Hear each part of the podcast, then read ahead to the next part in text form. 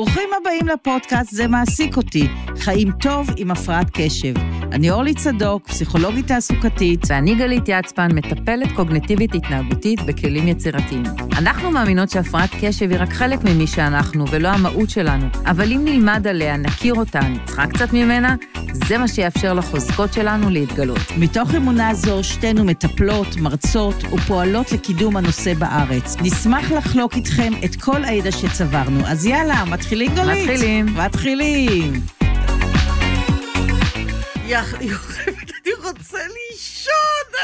זאת אני לא ידעתי שהתחתנתי עם זולת שלמה, ואני לא ידעתי שהתחתנתי עם דורסל. שהתחתנתי, מה? עם דורסל. עם דורסל. הנה, זה בדיוק הפתיח שלנו. לחלק ב' של החוזקות של אנשים הפרעת קשב. חוזקות של אנשים הפרעת קשב. אנרגיה. אנרגיות. יואו, זה באמת אחד היתרונות, את יודעת, יש לי... והחסרונות, בוא נגיד, זה אחד האפיונים, אבל היום אנחנו מדברים על יתרונות, אנחנו מדברים על כוחות.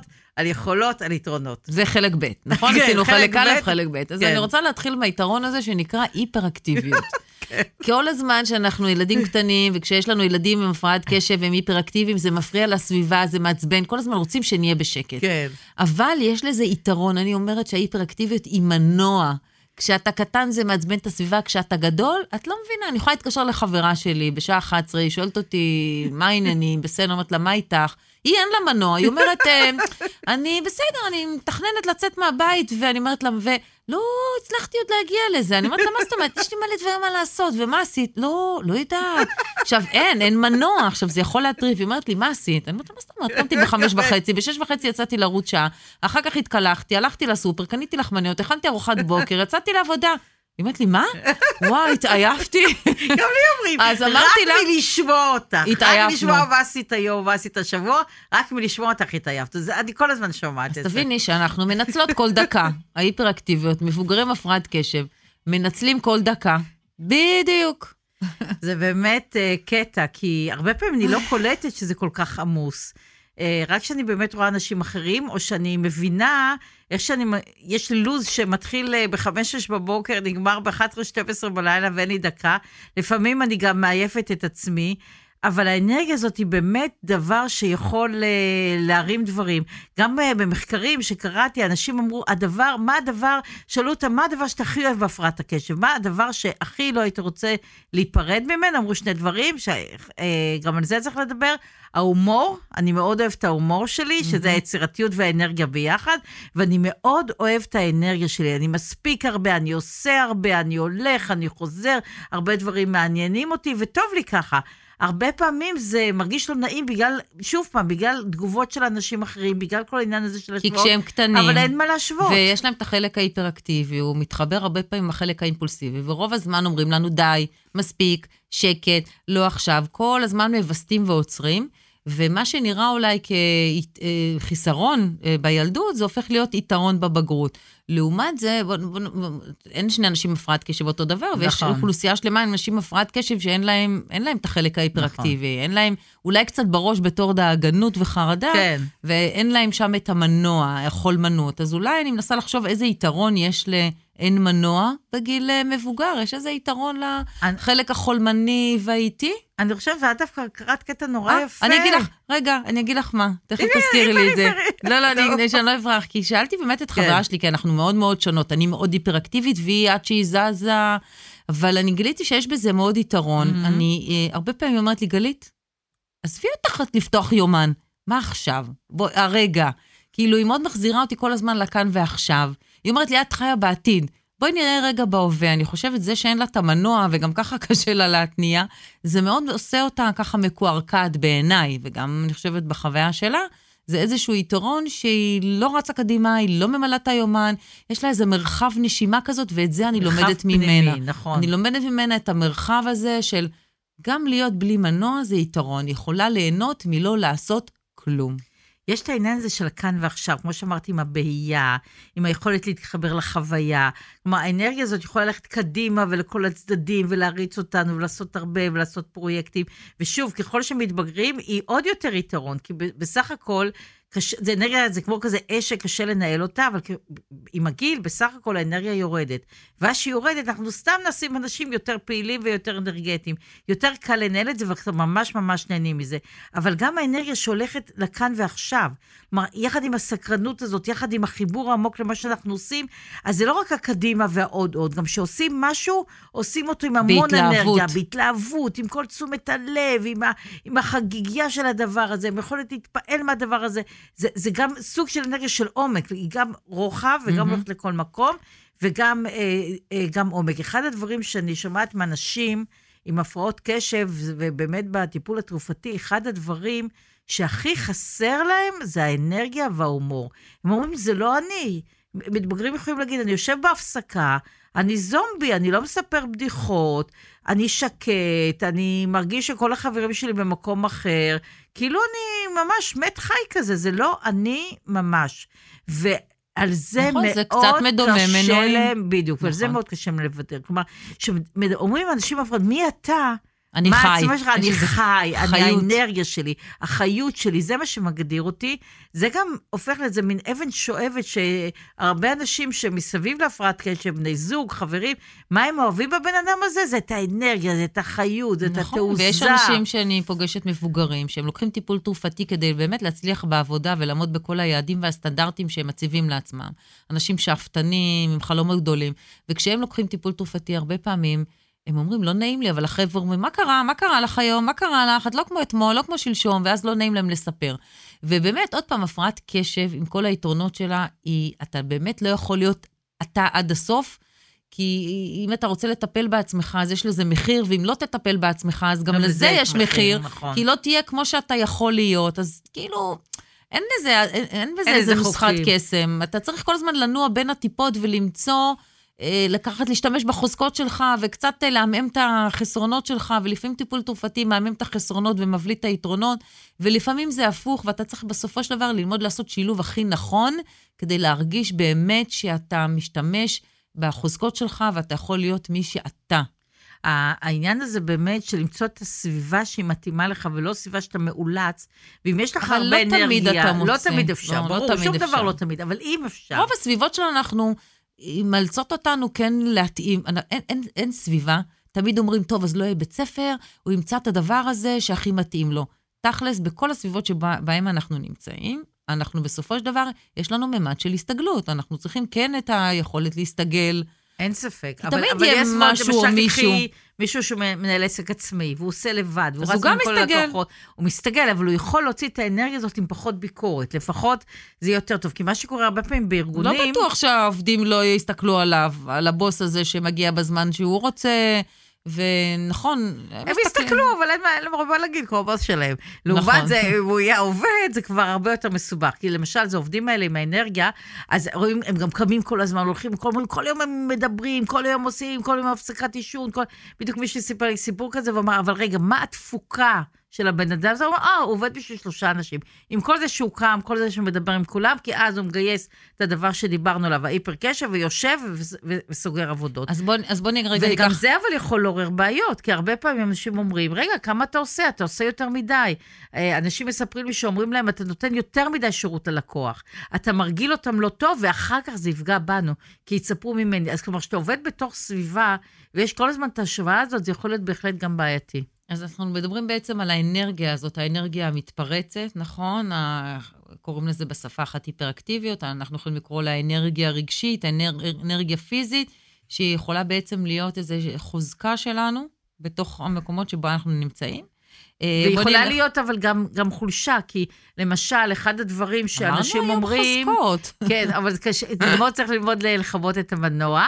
ורק רציתי, פשוט עכשיו נזכרתי בסיפור שאני חייבת לספר לך, שהייתי צעירה והתחלתי לעבוד, אני זוכרת, עבדתי באוניברסיטה והייתי ככה מאוד גאה ומאוד השתדלתי ועשיתי מאמצים ולקוחות וזה, ותמיד נשארתי עד שהמזכירה הוותיקה, את יודעת שמזכירות שמנהלות הכל קרה לי יום אחד ואמרה, אורלי, את עובדת רק חצי משרה, הבלגן שאת עושה זה כמו שלוש משרות. כמה אנשים פה הולכים במסדרות, ולא לדבר על זה שהם אומרים לנו את כל הקפה. אז אני ממש ממש מבקש ממך, טעיתי, תעבדי פחות, זה לא מתאים, אוקיי? ואני נעלבתי, אפרופו הפגיעות הרגשית, גם נעלבתי, הרגשתי שאני עושה מעל ומעבר.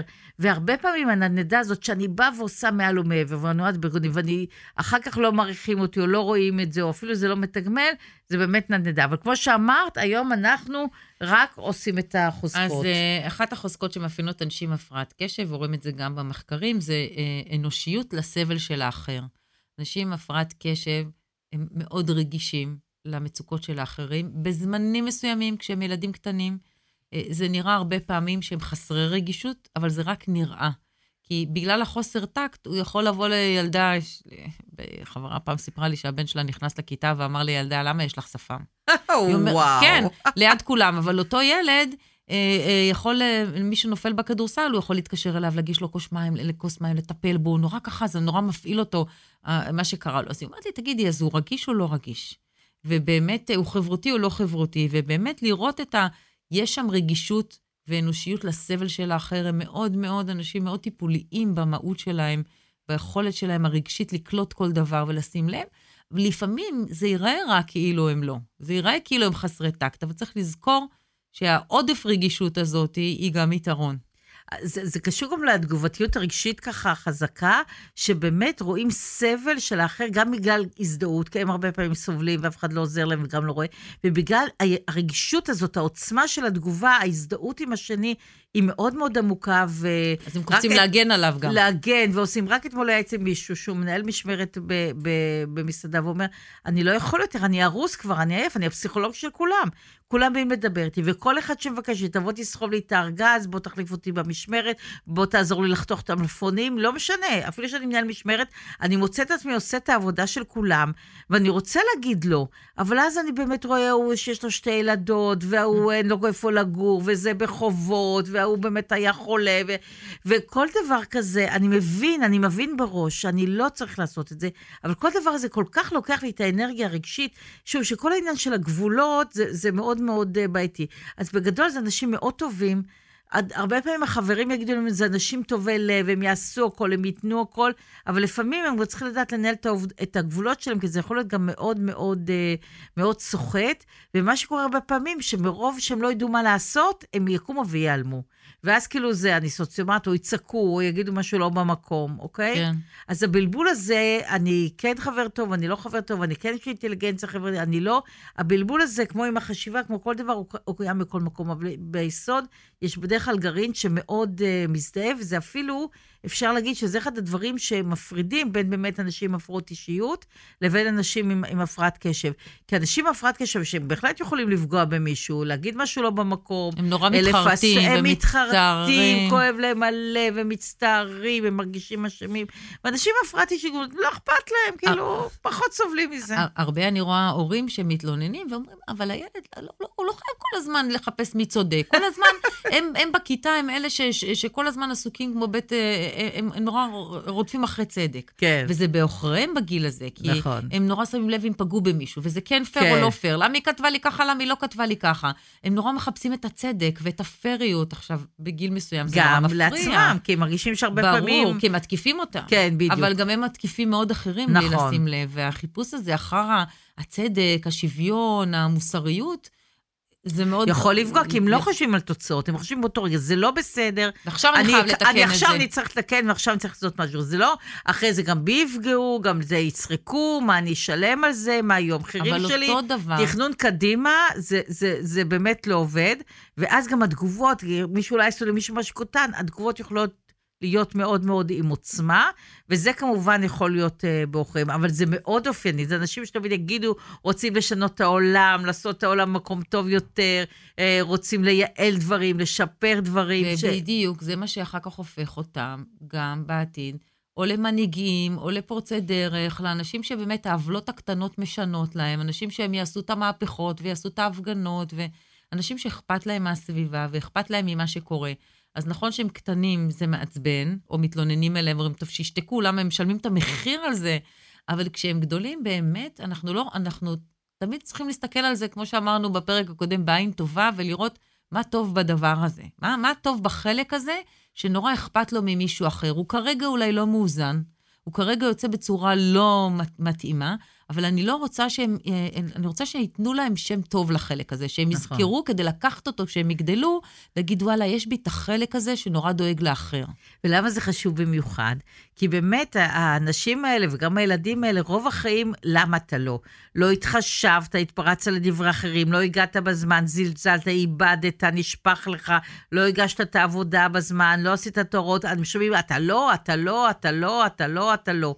וזה באמת יוצר דימוי מאוד מאוד שלילי. אבל אם אני שומעת, את כן, את חברה טובה, אכפת לך, את עוזרת, את מקשיבה לאחרים, יחד עם ההפרעת קשב. המון אנשים עם הפרעת קשב יספרו לך שהם האוזן הקשבת של החברים שלהם. לא כי קל להם להקשיב, לא קל להם להקשיב בכלל, ממש לא. אבל האכפתיות הזאת, כן. והרצון לעזור, זה שוב, אמרנו המוטיבציה, שיש לך מה? אתה מוצא כל איך, יש לך מוטיבציה לעזור, אתה תקשיב. יחד עם היצירתיות, יהיה לך תמיד רעיונות טובים איך לפתור את זה. אז באמת הצד האנושי הזה, אה, שאם הוא בולט, זה אחד הדברים גם שמציל אותם הרבה פעמים. כי הם מפשלים, אין מה לעשות. אנשים עם הפרעות קשב, אנחנו מפשלים. אבל אם יש את היסוד הזה, שהבנה שאכפת לך, ואתה חבר טוב, ואתה בן אדם טוב, ואתה רוצה לעזור, וזה לא בא מהמקום של הזלזול, אם יש את ההבנה הזאת בסביבה, זה באמת הדבר שיכול אה, לעזור ו- ויכול את, לקדם. אז את אמרת גם תוך כדי הדברים שלך את היכולת השלישית שעליה אנחנו ככה רוצים לשים דגש, זה יכולת ההמצאה. אני חושבת שהמילה יצירתיות היא כבר שחוקה. אה, וגם נוטים לחשוב שאנשים הפרעת קשב הם בהכרח יצירתיים, לא תמיד. אבל הם כן, הרבה אה, פעמים. אני לא בטוחה. הם לא- פשוט חושבים אחרת. כן, כן, אבל אני חושבת שזה נהיה כבר איזה מין, משהו כזה מאוד... טוב, אז הם יצירתיים. בסדר, לא, לא, לא, זה לא פותר את הכל, אבל הרבה פעמים החשיבה היא באמת שונה. כן, החשיבה שונה. את תמצאי אותם uh, בשדה שהם עושים דבר חדש, הם ממציאים uh, דברים שלא היו קודם, uh, באמת, כמו שאמרנו, הולכים בשבילים שלא הלכו. נכון, וגם לפעמים זה בדברים קטנים, כי כשאתה לא מסתדר, אתה צריך להמציא תירוץ. או אתה צריך להמציא את ה... הכלב אכל לי את שיעורי הבית. ברור, הם הממציינים הכי גדולים, ואני כן. לפעמים רק מקשיבה להם, ואני אומרת, בואנה, יש לכם יצירתיות להמציא סיפורים. זה מקסים בעיניי, כן. כאילו, באמת, אני חושבת ש... כי קובעת תירוץ חדש, עוד פעם לא, לא הלך לי, עוד כן, פעם לא הבאתי. כשאתה לא מאורגן ולא כן. מסודר, ומשהו קורה לך כל הזמן, אתה כל הזמן צריך למצוא דרך, אני קוראת לזה, זה המצאות כאלה, שאתה כל הזמן צריך למצוא דרך או להמציא כדי באמת אה, קודם כל להסביר לעצמך, אם אתה לא, איך זה יכול להיות שקרה לי עוד פעם? איך יכול להיות שהגעתי בלי הנעל? לא, אתה צריך להמציא לעצמך את הסיפור, לפני האחר, ולא תמיד זה ברור לך, זה באמת סיפור שלפעמים קצת נראה כן. ממקום אחר. אני פשוט, כאילו, המונח הזה, אנשים עם הפרעת קשב עם יצירתיים, הרבה פעמים זה איזשהו, זה, זה לא חייב ללכת ביחד, כן, זו חשיבה מסתעפת. יש גם כאלה שהם פחות יצירתיים, וזה גם בסדר. תמיד אמרנו, יש שונות, זה לא אותו דבר. בדיוק, צריך לראות בין, בין אחד לשני כמה זה באמת אה, אחד הדברים שבולטים. אבל אין ספק שיצירתיות אה, היא משהו ששווה להסתכל עליו, לפתח אותו ולהשתמש בו, כי באמת זה משהו שהם יצטרכו בעתיד. אה, הגמישות הזאת, אני אוהבת לקרוא לזה אולי גמישות במחשבה. כן. הרבה ילדים, אנחנו נראה אותם תקועים דווקא, ואנחנו נרצה לעזור להם לדלג מעל הדבר הזה. אנחנו צריכים למצוא להם, אה, לעזור, לעזור להם למצוא עוד פתרונות לדבר הזה שהם איתו תקועים, ולאמן אותם במקום הזה.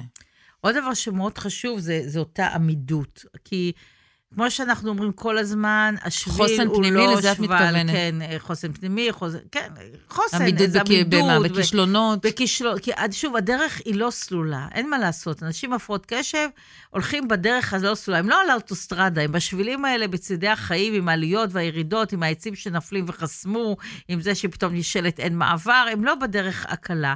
זה דרך אולי מאוד יפה, מאוד צבעונית, עם המון נופים, אבל זה לא הדרך הקלה. ואם נסתכל בדרך כלל על חיים של אנשים הפרעות קשב, הנפילות יהיו יותר מאשר נפילות של אנשים אחרים. אם זה נפילות קטנות שהיום פספסתי, לא באתי ודברים כאלה, ואם זה נפילות ממש ממש ממש גדולות של פיטורים, של באמת אה, אה, קשיים כספיים, דברים באמת באמת רציניים. והיכולת הזאת ליפול ובאמת ליפול, והם באמת נופלים, בטח בנישואים, הרבה דברים. ובכל זאת להכיל ולהחזיק את זה, יכול להיות ככה למחות את האבק.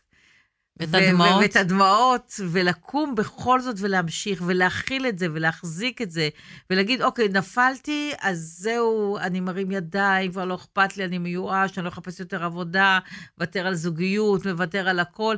היכולת הזאת לקום ולעשות את זה, היא יכולת באמת אה, מדהימה. רק אני השבוע סיפר לי מישהו שהוא זוג צעיר, אה, רצו מאוד מאוד להצליח, רצו ככה כסף, שניהם ככה אה, בקטע ככה יותר היפרי.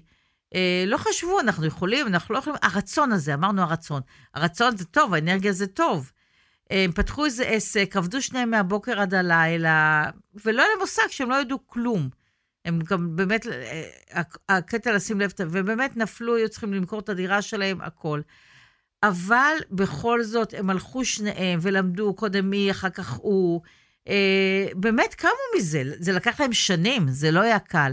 אבל אנשים אחרים היו מתרסקים ומוותרים על זה. אז באמת, ואני שומעת אין סוף סיפורים דודו כאלה. דודו טסה שר, עדיף כישלון מפואר מאשר חלומות במגירה. אה, זה משפט נהדר. ולפחות הכישלונות שלנו הם מפוארים. חבל על הזמן. אנחנו עושים דברים בקטן, זה בגדול. זה עושים משהו, אז זה בגדול עד הסוף. כן. אז יש הרבה דברים שעוזרים. קודם כל האנרגיה. האנרגיה עוזרת, אפשר לקום, יש עם מה לעבוד. ב', האופטימיות, הרי אנשים בהפרעות קשב כבר שוכחים מה היה אתמול, כמה סבל זה היה. זה אחד היתרונות. אחד היתרונות, הם נוטים לשכוח. כשאתה קטן, צועקים עליך שאתה שוכח. כשאתה נכון. גדול, אני אומרת, איזה, איזה מזל ששכחתי, אני לא יודעת לריב איתך, כי אני לא זוכרת על, בכלל מה אמרת, על מה. אמרנו. אז יש לזה יתרון. אז גם הסבל, נפלנו, בסדר, אז לאט לאט זה מתחיל להיטשטש, והעיר עדנאו שוב תופס את כל העניין, ואז אפשר להסתכל קדימה באמת בהרבה אנרגיה, בהרבה אופטימיות, כי, כי גם שוכחים. אה, ופה נכנס עוד יתרון מאוד חשוב של עניין של הפרעות קשב, זה הרבה פעמים היכולת להתפעל. הילדים שלי אומרים לי, וצוחקים וואו, הנה עץ, וואו, תראו איזה פרח, וואו, הנה פרפר, הנה פרפר. מתלהבת, מתלהבת, ככה היו קוראים לי. בדיוק, המתלהבת, המתלהבת, כן, ככה הם קוראים לי. ובאמת, זה, אפשר לצחוק על זה, אפשר להגיד, ממש כיף לי, אני יכולה לראות את אותו פרח, את אותה פרפר, את אותו דרך, את אותו עץ, את אותו דבר, ולהגיד, וואו, ובאמת להרגיש את זה. אז היכולת הזאת להתפעל מהעולם, מהיופי שלו, מהדברים היומיומיים הקטנים, זו יכולת שמאוד מאוד ככה עושה את הדרך מאוד, אה, במקום האבנים החדות והפוצעות, זה דרך ש... אני אומרת, זה כמו לשפוך מים בתוך הדבר הזה, זה מרכך את כל הדרך שאנחנו הולכים בה. בעצם דיברנו פה על, על כמה דברים. על אנרגיה רגשית ופיזית שמאפיינת אנשים עם הפרעת קשב, על אנושיות, לראות את הסבל של האחר. דיברנו על עמידות, על ליפול ולקום.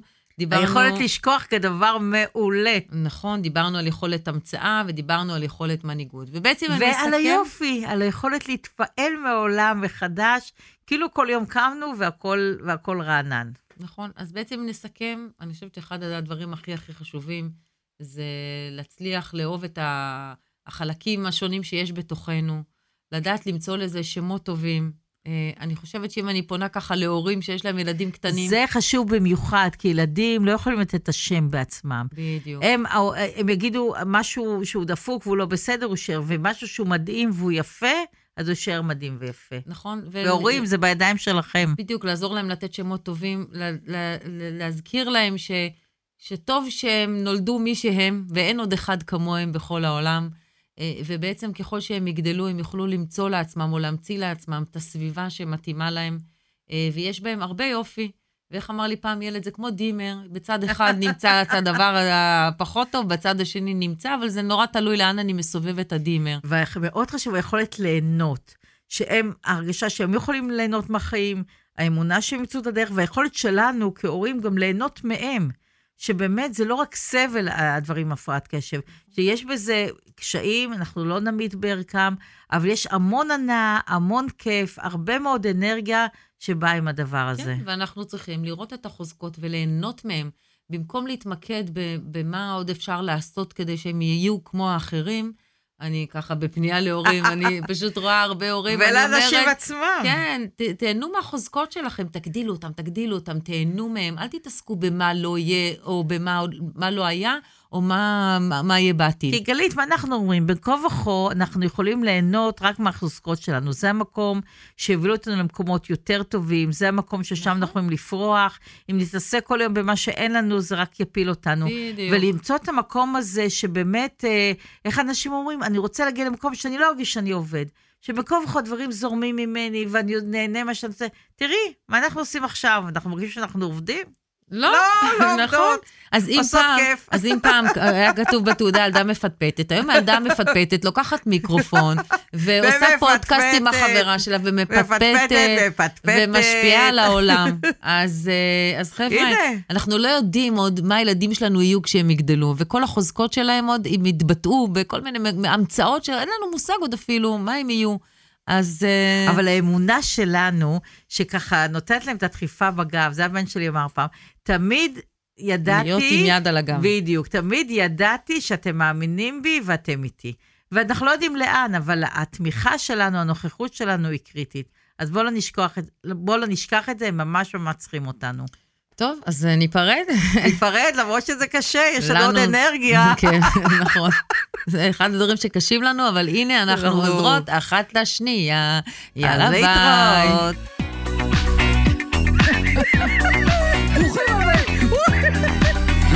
אוקיי, אז אולי אנחנו צריכות לעשות את עצמנו נורמליות, אחר כך שיראו את התקלה. אוקיי. ברוכים הבאים לפודקאסט. זה טוב, אורלי. עוד יחשבו שאנחנו נורא עדינות. ברוכים הבאים לפודקאסט. טוב, אוקיי. ברוכים הבאים לפודקאסט, זה מעסיק אותי. אני חושבת שמי שישמע את זה יחשוב שאת מה זה קוקטית צרפתייה עדינה.